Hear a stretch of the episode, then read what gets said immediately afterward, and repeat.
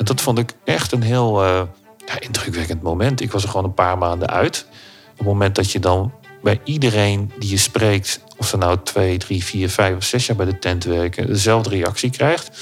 Toen dacht ik, nou, heb ik het toch best wel aardig gedaan als leider, denk ik. Welkom beste luisteraar bij de Curiosity Collective podcast. Vandaag zijn we beland in Ask It Forward nummer 20. In deze serie verbind ik verschilmakers en leiders met elkaar door het stellen en doorgeven van een vraag. Samen gaan we op onderzoek uit naar nieuw perspectief op die vraag. Dat doen we op curiosofische wijze. Deze keer is mijn gast Victor van der Wijk. Na een 16 jaar lange carrière bij KLM, als onder andere Vice President Digital Marketing, wordt hij CEO van het marketingbureau Storm Digital. Onder zijn leiding neemt Accenture Interactive in 2019 het bedrijf over. Een game-changing overname die Victor begeleidt tot april 2021. Als we deze podcast opnemen, is hij Digital Chief on Sabbatical Leave. Van zijn voorganger Michael van Praag krijgt hij de vraag: Wat is het belang van de gunfactor voor jou? Een vraag die hem op het lijf geschreven is. Want als iemand over een hoge gunfactor beschikt sinds de dag dat ik hem meer dan 25 jaar geleden ontmoette, is het Victor wel. Luister mee welke rol de gunfactor speelt in zijn leven aan de hand van een zeer bijzonder kunstwerk van René van Leusden.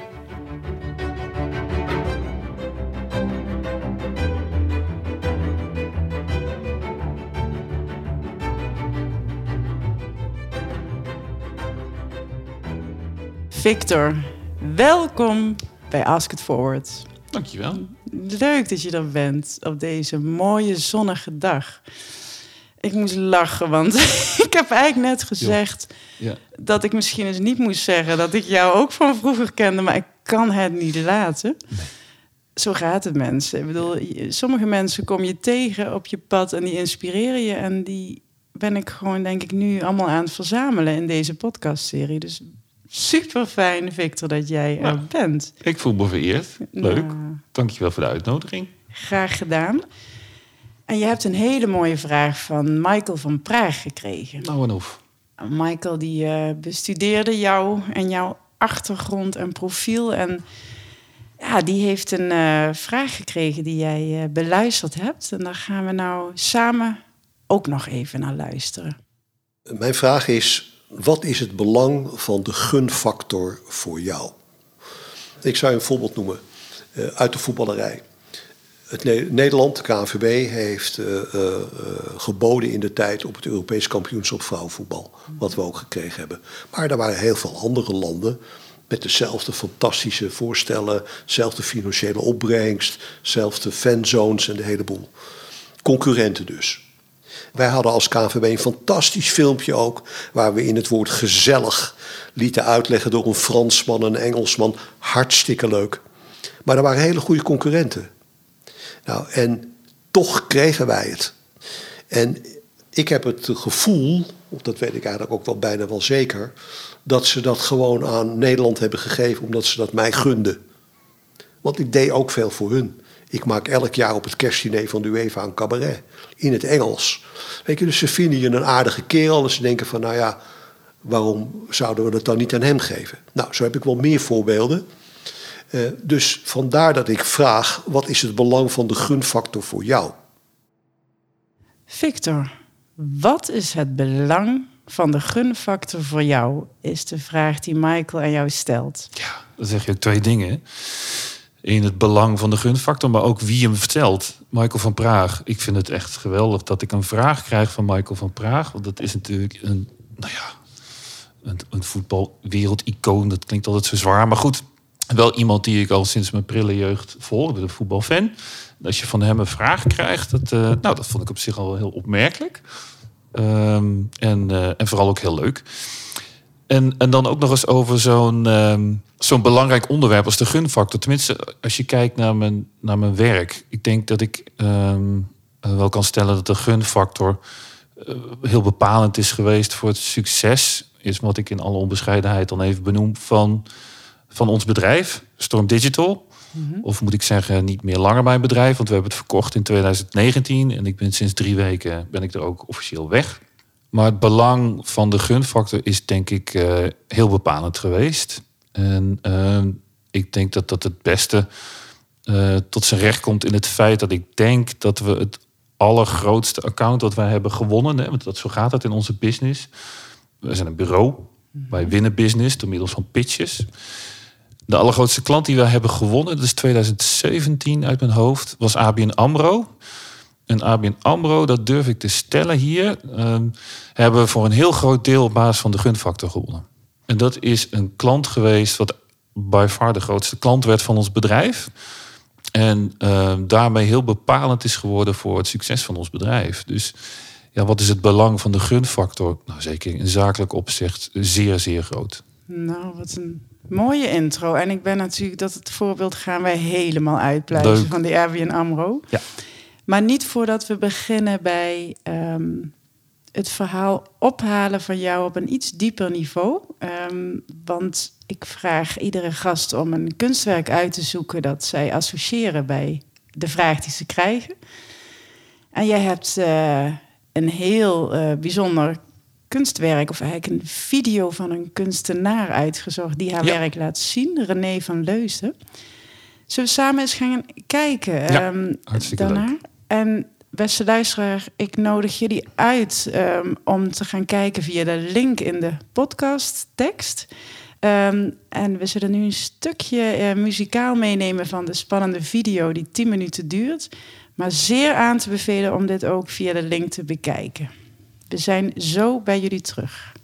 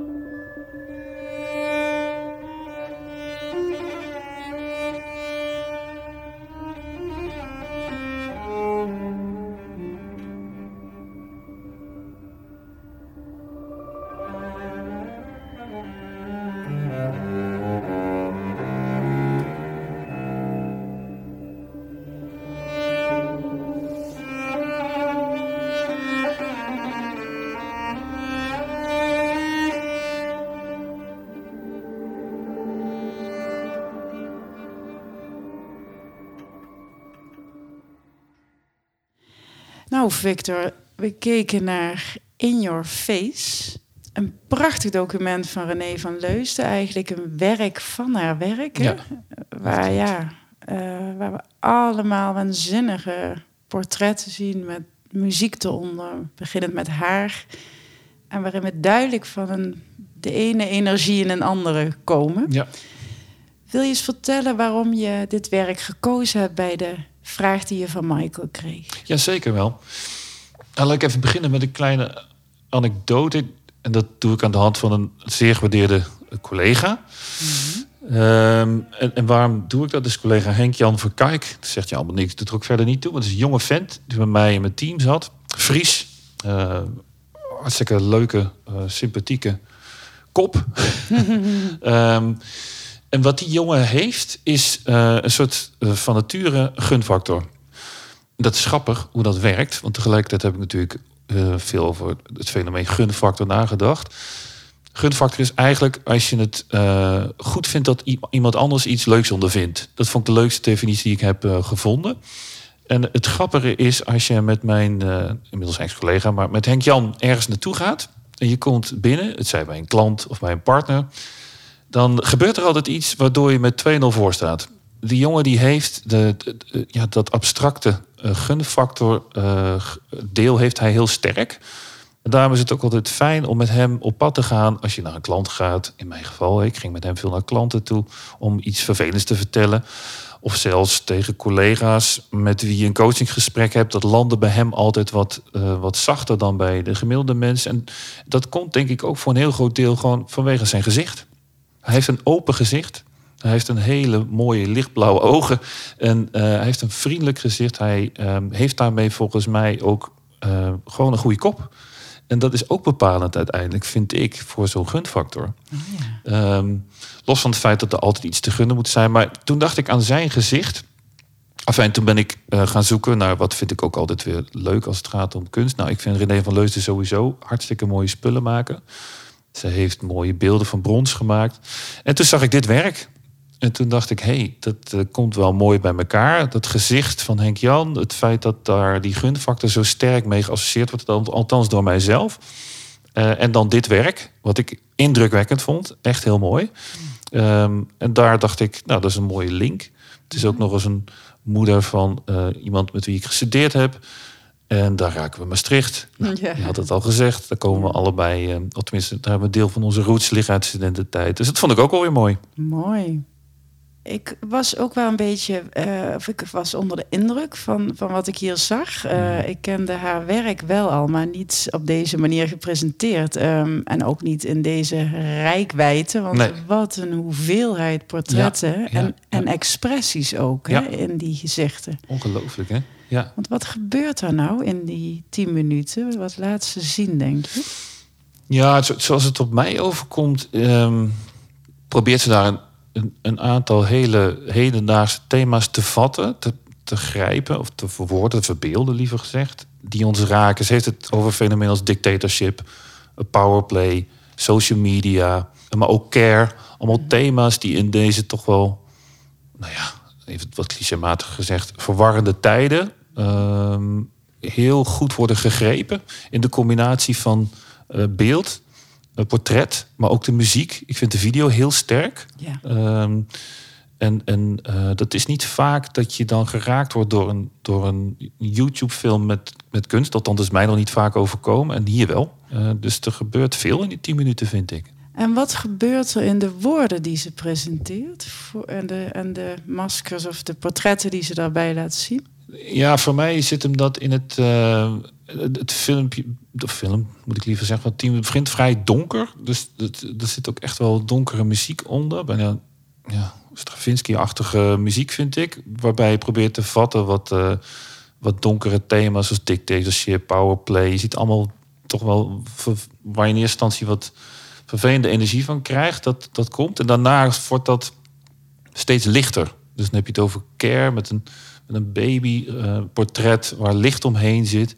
En daardoor ga je ook door een heleboel emoties gedurende het filmpje. En dat vind ik, uh, ja, dat vind ik ronduit uh, nou ja, mooi ja. dat ze dat voor elkaar krijgt. De verwondering die Michael uitdrukt in zijn vraag gaat eigenlijk over, ja, of hij wil eigenlijk onderzoeken, of jouw vragen te onderzoeken, wat is nou dat belang precies? Ja. Want hij heeft ervaren dat het eigenlijk nooit gaat over producten of diensten. Of, uh, ja. En hij zegt, waarom zien mensen niet dat die gunfactor zo belangrijk ja, is? dat klopt.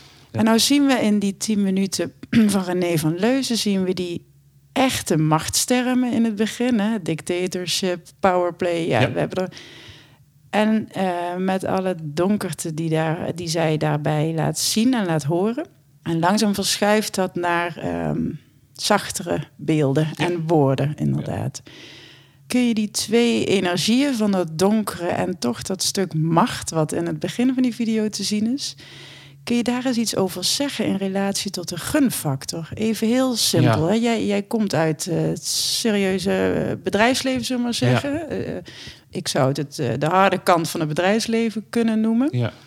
En die gunfactor, dat wordt toch snel als iets zachts gezien. Je Ja, omschrijft net het voorbeeld van Henk Jan. Ja. Dat is een heel zachte Ja. benadering. En er is ook een herkenning van een gezicht en de zachtheid erin. En de... Hoe werkt dat? Nee, Kun je ons eens meenemen naar zeg maar, de spanning tussen enerzijds powerplay en gunfactor? Ja. Nou, een van de dingen die ik ehm, denk voor elkaar te hebben gekregen als, als, hè, als algemeen directeur van dat bedrijf, om het daar maar even in die context te houden, is dat ik zelf als leider ook een, een hoge gunfactor heb gecreëerd bij de mensen aan wie ik uiteindelijk leiding heb gegeven. Het was een club van 100 man, die we uiteindelijk eh, aan een groter bedrijf hebben verkocht. Maar met die 100 man deden we het. En ik denk dat je als leider ook een gunfactor kan krijgen van je mensen. Ehm, maar dat heeft denk ik eh, niets te maken, of misschien wel het, tegenovergestelde met powerplay. Ik geloof totaal niet in het feit dat door hiërarchie, door, dictatorship en door ehm, ehm, mensen niet het, geven, het gevoel te geven dat ze een serieuze baan hebben. Dat vinden mensen allemaal in essentie heel belangrijk. Eh, dat ze eh, waarde kunnen ontlenen aan hetgeen wat ze doen, serieuze impact hebben op het eh, bedrijfsvoering. Dat je, dat je daar een heleboel, nou een hele grote gunfactor aan kunt ontlenen. Eh, wat bedoel ik daarmee? Mensen bij mij krijgen heel veel verantwoordelijkheid op heel veel jonge, eh, op een hele jonge leeftijd, gaan apart naar klanten, krijgen ook alle verantwoordelijkheid. En op het moment dat ze onderuit gaan, moet je er staan. Dat, dat zijn allemaal dingen waardoor ze voelen dat er een leider achter hun staat. En op het moment dat jij dan ook even door een moeilijke tijd gaat, wat mij afgelopen jaar is gebeurd, hè, dat je privé door een lastige tijd gaat, dan zegt iedereen, die van de wijk, die moet je even met rust laten. Want dat is een vent die altijd achter ons staat, maar nu even zijn tijd nodig heeft. En dat is ook een gunfactor die heel belangrijk is. En die heb ik ontleend juist door niet aan die nou, wat donkere eh, thema's mezelf, in ieder geval mijn stijl te ontlenen zoals je in dat filmpje ziet. Mooi. Wat gun jij andere mensen dan? Laten we het Ja. over jouw eh, Storm Digital tijd hebben, die net achter je ligt. Ja, klopt. Ja. In dat team van die 100 man. Ehm, wat is in essentie wat je jouw mensen gunde daar? Ja, dat zit hem eigenlijk in een, een paar dingen. Het is gewoon werkplezier. Iedereen wil gewoon graag met plezier naar zijn werk komen.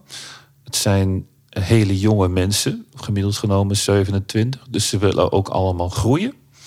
En ze willen een veilige omgeving hebben. En op het moment dat je daar eh, op, op let als leider, gaat niet altijd goed natuurlijk. Dan denk ik dat je eh, een heel eind komt. En daar heb ik me eh, althans hard voor gemaakt in de afgelopen vijf en een half jaar dat ik ervoor gewerkt heb.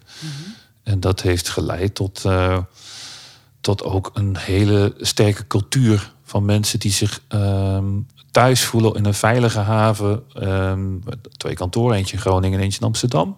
Waar mensen ook graag kwamen, tot corona uitbarstte natuurlijk. Maar eh, en die veilige haven, die heb ik proberen te creëren. Plezier, veiligheid en kunnen groeien, zeg je. Ja. Zijn dat, denk je, universele waarden die mensen altijd nodig hebben? Of is dat wat jij vanuit jou een ander gunt? Heb je daar heb je een reden voor deze drie?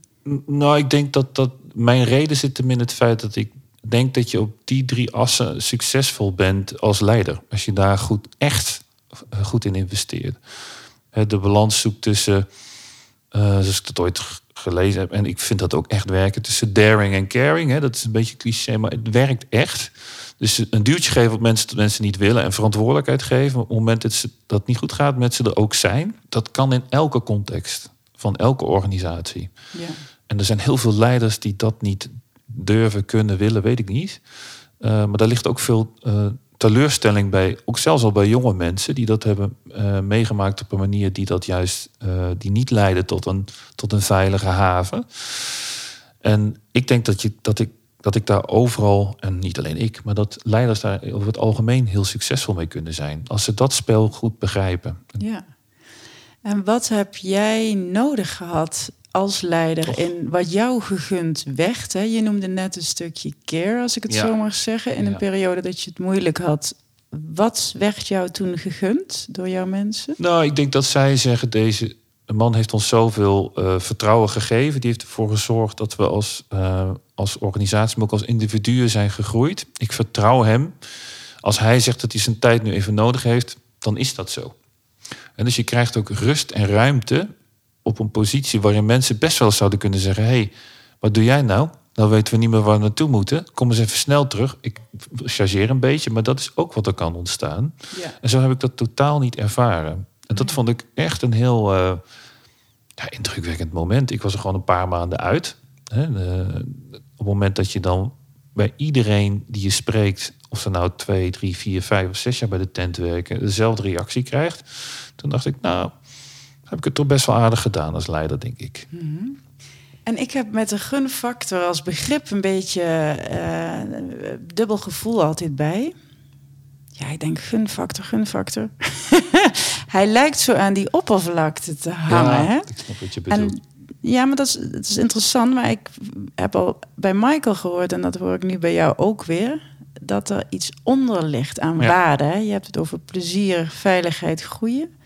En daaronder noem je net de waarde dat je het vertrouwen krijgt van je mensen. Ja, zeker. Is dat vertrouwen een gevolg van de gunfactor? hoe zit dat met gunfactor en vertrouwen? Laten we ik wel eens even op in. Ja, voor mij is het vertrouwen ontst eerst, eerst laten zien en dan komt vertrouwen. Uh, dat is, dat is uh, denk ik een universeel manier van hoe dingen gaan. Dus uh, vertrouwen eh, komt te voet, gaat te paard. Dat is ook met die gunfactor zo, hè? Dat ja? Is ook, ja. Heb je daar ook een voorbeeld van? Dat ja, zeker wel. Kijk, uh, gunfactor in zakencontext noem ik eventjes de context van een bedrijf wat een klant haar service uh, verleent. Hè, wat ik heb mhm. gedaan met dat digital marketingbureau wat we, wat we hadden. Dat kan dus uh, grote accounts winnen op basis van... hey, dit is net goed. Dat voelde ik gewoon, dat we daardoor de winst hadden. Inhoud, je moet je voorstellen, ABN AMRO is een heel grote klant. Wil iedereen hebben, de hele wereld springt erop.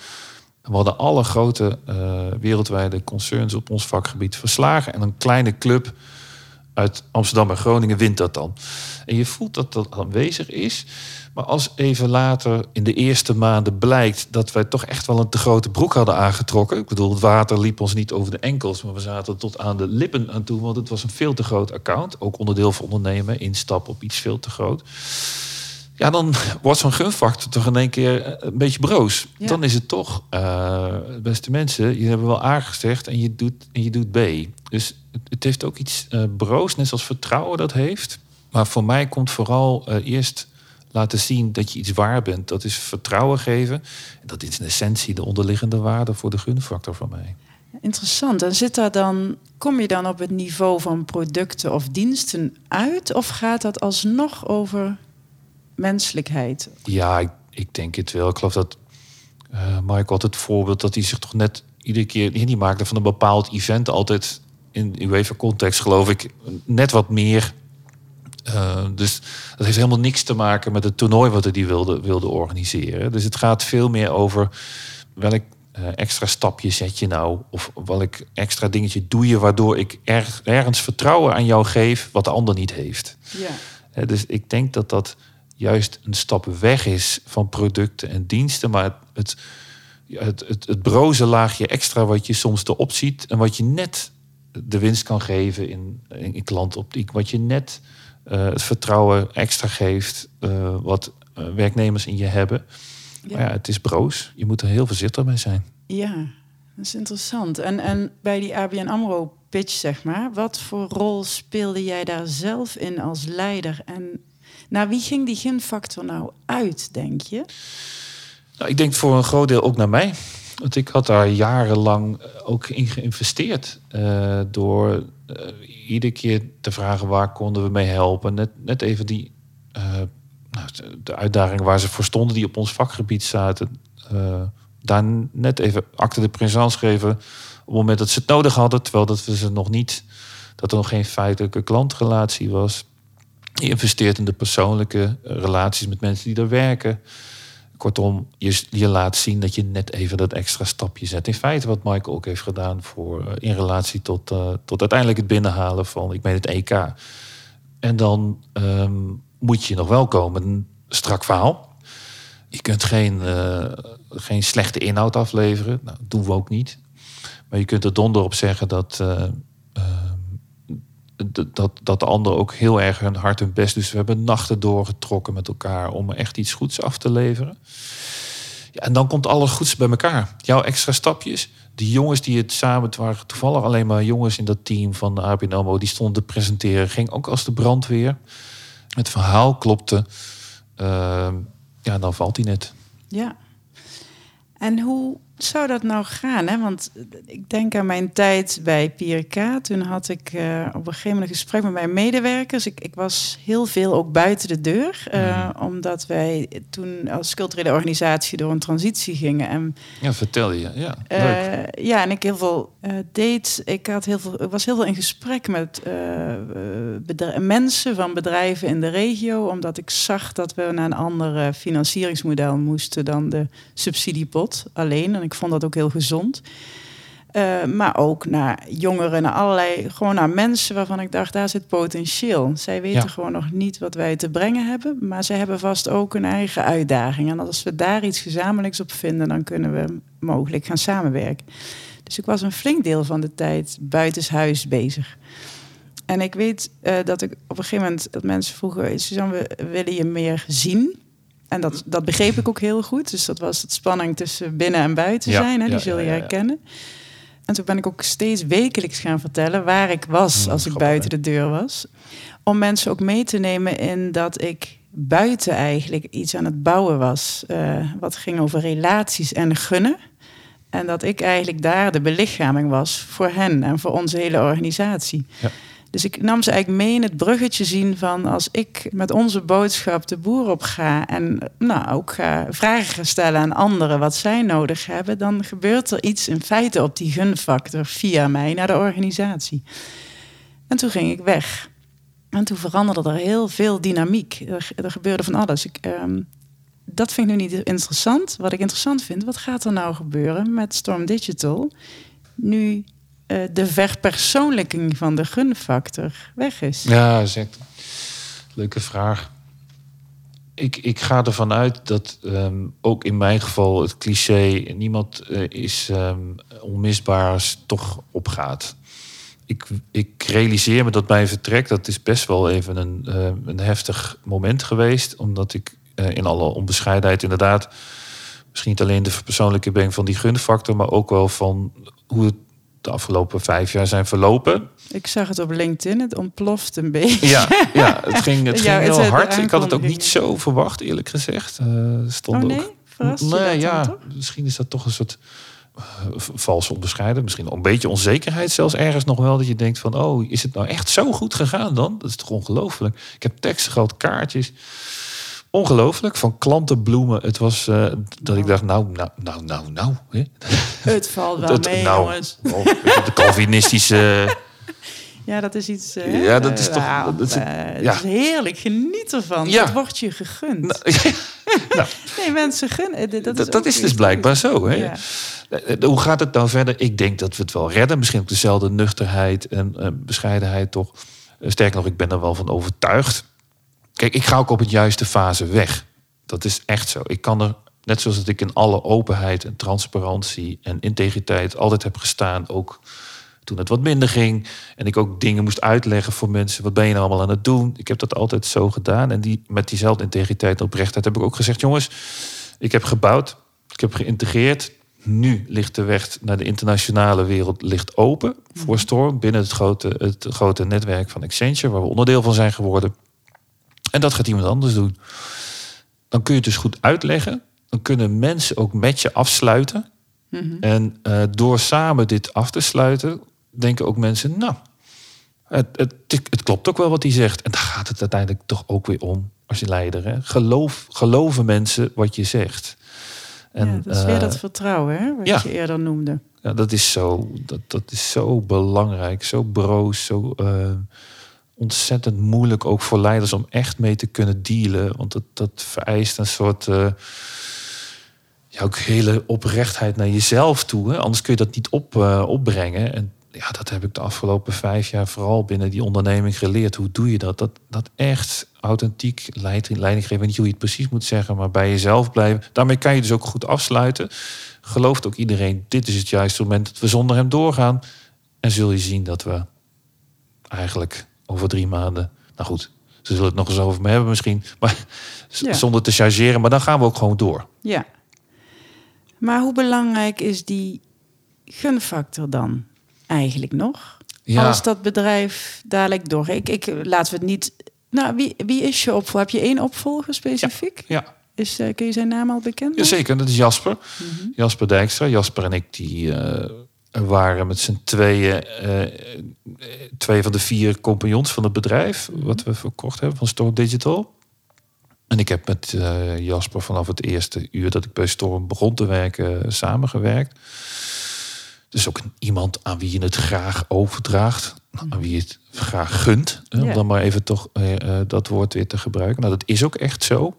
Ik heb hem ook heel erg zien groeien in de afgelopen vijf en half jaar. En dan kun je dus niet alleen zeggen, dit is het goede moment dat ik stop. Maar ik gun het ook Jasper om nu met jullie samen deze klus eh, naar de volgende fase te tillen.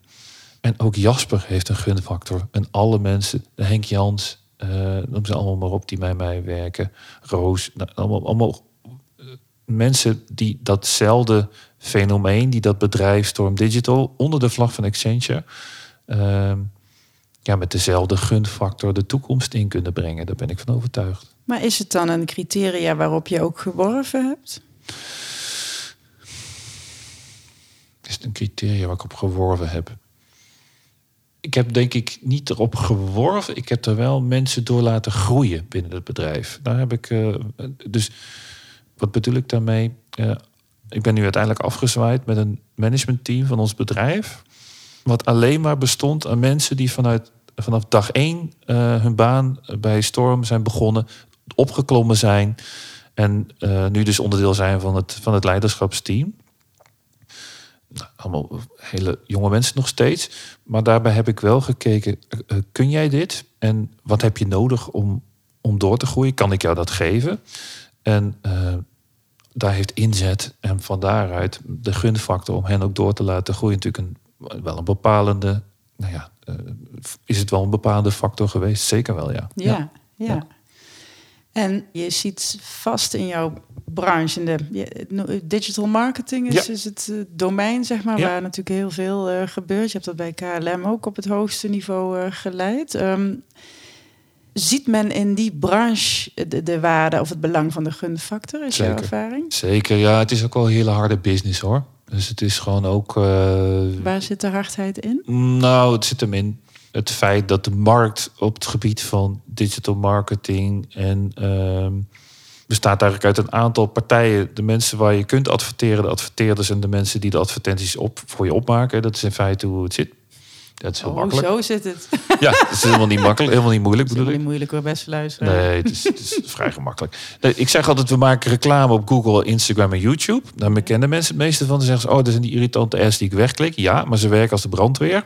Zo is het ook. Oh, ja. Ehm, eh, waarom zeg ik dit?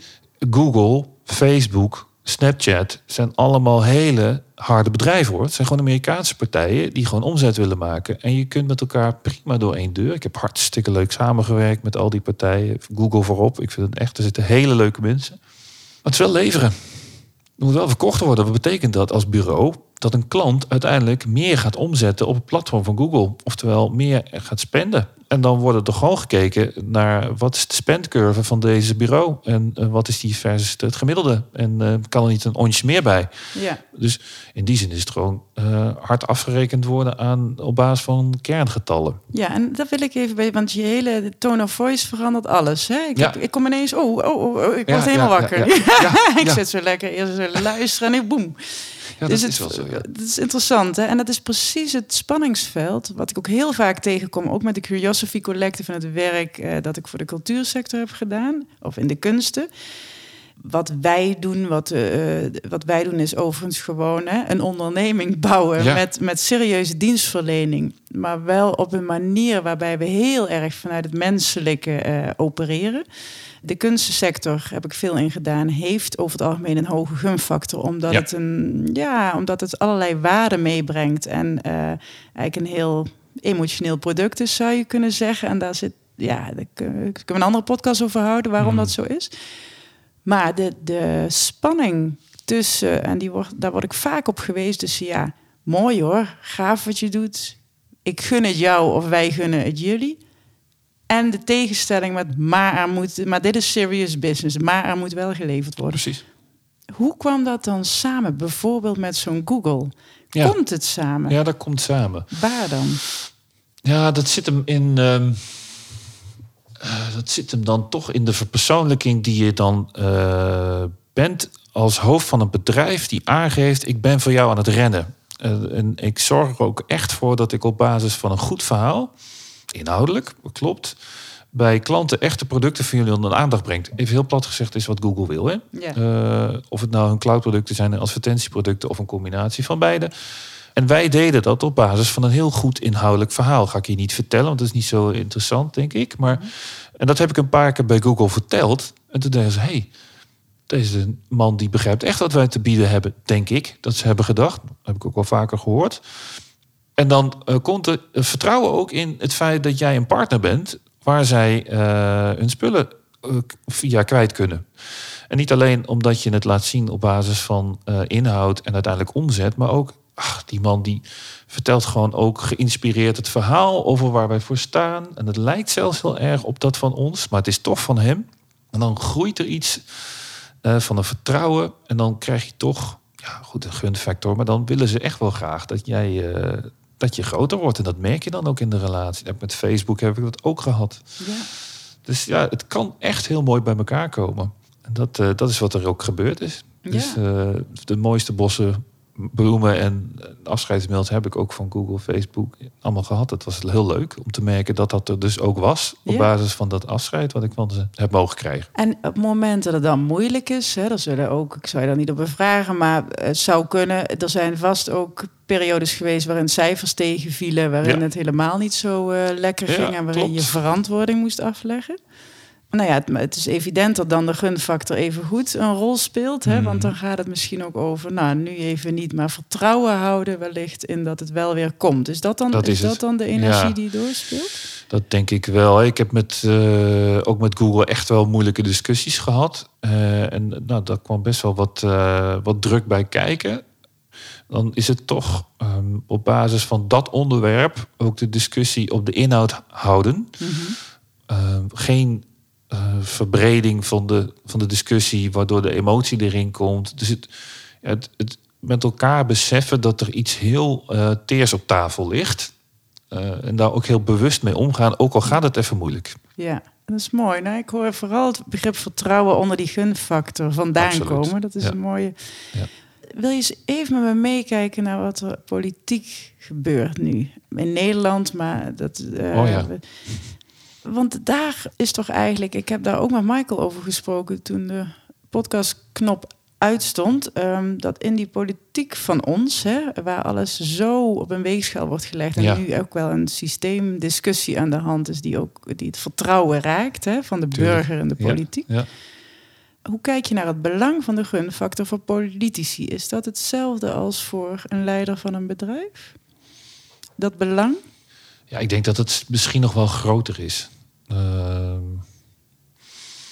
om, omdat, eh, omdat politiek uiteindelijk eh, gaat om belangen, naar mijn beleving, en in, in, in welke mate je in staat bent om bepaalde belangen te behartigen. Eh, en mensen die jou zien als de persoon die jouw belangen behartigt, daar ga je voor. Dus het- dat gaat in zijn diepst natuurlijk over het vertrouwen. Nou, dat zie je dus natuurlijk aan alle kanten eh, misgaan. Dan bedoel ik specifiek even over waar we nu zitten met die hele toeslagenaffaire. Ik bedoel, het is opper dan op, denk ik. Hè? Dat, dat merk je ook. En ook in het, in het, in, wat mij betreft, in, het in het leiderschap, politiek leiderschap, wat daar eh, mee geassocieerd wordt. Dat, hè, de mensen die daar eh, voor verantwoordelijk zijn, dat hoor je ook om me heen. Dat, dat is echt wel op. Daar wordt helemaal niets meer gegund, denk ik. Eh, Nee, dat is dan aan de hand. Hè? Dan wordt ja. niets meer gegund. Terwijl, niks. Vrij weinig door weinig mensen, denk ik nog maar. Ja. ja. En toch fascineert mij dat tegelijkertijd ook. Want eh, we kunnen, als we kijken naar Rutte of sommige mensen in die politiek, waarvan je gewoon ziet hoe lang zij zich al jaren Mm. inzetten, snoeihard Tuurlijk, werken om de boel te leiden. Hè. Dan zie je dus daar waar het de dienstverlening eigenlijk zo faalt, hè, dat Ja. is hier gebeurd, dan is de, de gunfactor houdt het ook niet vol, zeg Nee, maar. Dus, nee, nee, dan is en het, jij omschrijft dat net ook. Het gaat toch echt ook over een combinatie van beide zaken. Welke combinatie bedoel je? Nou, van wat je daadwerkelijk doet en levert en de fouten Ja, die je ja, daarin maakt. En de mate van gunnen die je hebt. Ja, het, is, het, is, het, het is inherent aan, aan hetgeen ehm, wat vertrouwen ook heeft. Ik bedoel, het is, als het weg is, is het ook weg. En dan is zo'n gunfactor is ook in één keer... eh, ja, die, die speelt geen rol meer. Die kan in één keer verdwenen zijn. Eh, Dat is althans eh, wat je hier dan ook wel ervaart, tenminste ik. En waar zou dan in geïnvesteerd moeten worden? Ik bedoel, ja, vertrouwen hebben we het nu eigenlijk meer over door deze podcast heen dan de gunfactor. Dus dat is het begrip Ja, wat er. ja. Is dat te herstellen of zit er ook een eindigheid aan Nou, ik gunfactor? Ik denk het laatste. Ik, ik ben van mening dat op een gegeven moment ook het begrip... je moet je verantwoordelijkheid nemen... dat dat hier ook wel eh, op zijn plaats is. En sterker nog, ik denk dat dat iets te weinig gebeurt... op cruciale momenten nu in toch al een hele broze maatschappij... als het gaat om mensen die elkaar vertrouwen en nog wat dingen gunnen. En dat heeft te maken met eh, een politiek die verantwoordelijkheid neemt... voor iets wat echt, echt heel fout is gegaan. En dat heeft te maken met het bedrijfsleven wat verantwoordelijkheid neemt op iets wat echt, echt heel fout is gegaan. En dan bedoel ik met name, naar mijn beleving, het, het, het, witwassen wat nu weer aan de orde is. Waarbij een, eh, ik bedoel, er zal vast goed over nagedacht wordt, maar waarbij het erkennen van de feiten nu volstaat voor het, eh, het, het nou, dit is voldoende, dit, zo vinden wij het goed, wij erkennen de feiten. Nou, ik denk dat heel veel mensen die iets fouts hebben gedaan, best wel willen zeggen: ik erken de feiten, maar het spijt me niet. Dus eh, graag eh, mag ik zo doorgaan als ik nu doorga. Ik vind dat, ik vind dat echt. ehm, Ja, en dit is misschien wel. Hier haal, je een eh, punt aan waar Michael ook die verwondering eigenlijk over uit. Hè? Dat gaat ook over. Je kan wel naar de feiten kijken. We zijn best wel een cultuur. We hebben best wel een cultuur waarin feitelijkheden en controlemechanismen, Ja. verantwoording heel erg eh, hoog op de ladder van waardering staan, zullen we maar zeggen. Maar uiteindelijk gaat het ook heel erg met welk gevoel je je daarover uitspreekt. ja, dat klopt. Of het nou eh, over dat feit, hè? Ja. welk eh, menselijk gevoel daaronder of achter zit. Ja, ik denk dat dat ehm, eh, wel, wel eens veel meer ruimte zou mogen krijgen. Hè. Het wordt nu, eh, als mensen het nauw komen, wordt er heel feitelijk terug. Oh, er is niks onoorbaars gebeurd. Nou, ik denk Ja. dat dat niet iets is waar mensen eh, hun vertrouwen of de gunfactor weer opnieuw op gaan bouwen. Dat denk ik niet. Ik, ik snap ook heus wel de reactie. Je moet kijken naar wat er fout is gegaan of niet op basis van, van feiten. Maar uiteindelijk heeft dit alles te maken met... vind ik het leuk dat jij het leuks gaat ervaren? Die, die gunfactor, vind, jij, vind ik jou goed genoeg om mij te vertegenwoordigen? Ja, vind ik jou goed genoeg om mij te vertegenwoordigen? Ja, Ja. dat is volgens mij ja, een heel mooie vraag voor mensen om zichzelf te stellen. Ja, In het kiezen ook voor een leider daar Ja. waar ze een keuze hebben. dat denk ik wel. Ik heb zelf mijn meest educatieve momenten... of vormende momenten als leider heb ik ervaren... op het moment dat ik mijn gevoel toonde hè, voor 100 man... waar je dan tegenover staat. Dat is Mhm. moeilijk. Ik, ik heb geen voorstelling bij als je dat ten opzichte van duizenden mensen moet doen, of zelfs een land als je politicus bent. Maar ik geloof echt dat mensen je dan weer gaan toelaten. Eh, doordat ze je echt zien. Wat, wat drijft hem nou in plaats van de formele antwoorden die ik nu hoor? Ehm, ik, ik heb niet meer die klik met die man of die vrouw. Ehm, en ik denk dat daar mensen juist deze tijd heel erg naar op zoek zijn. Die secure bases, als ik dat noem, die veilige havens, waarbij ze zeggen: ah, bij jou voel ik me thuis. Jij bent de man of vrouw die mij mag vertegenwoordigen. En dat, dat zoeken mensen natuurlijk enorm op dit moment. Ja. En heb jij een leider met een hele hoge gunfactor die jij als voorbeeld zou kunnen aanwijzen voor, nou, voor jezelf of voor ons? Eens even nadenken. Eh, een leider of een leidster met een groot, goede gunfactor.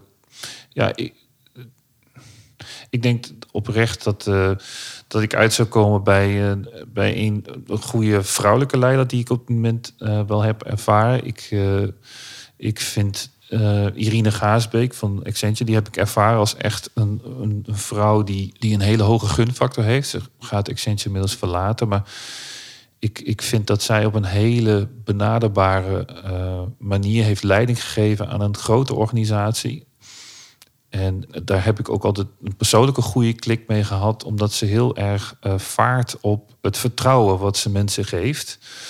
Ook het feit dat ze specifieke richting heeft gekozen. Hij heeft dus ook inderdaad sterk voor een diversiteitspolitiek gekozen. Ik denk dat dat heel goed is. Dat uh, kunnen we nog andere discussies over hebben. Maar zij heeft er uitgesproken voor gekozen. Is daarvoor gaan staan. Mm -hmm. En is ook een, uh, een, een, een, leider waarvoor veel mensen uh, in de Accenture uiteindelijk door het vuur gingen. Dat zag je. Dus Oh, ik vond haar wel een, een, een sterke leider. Eh, ze gaat door op een nieuwe leiderschapspositie op Europese vlak.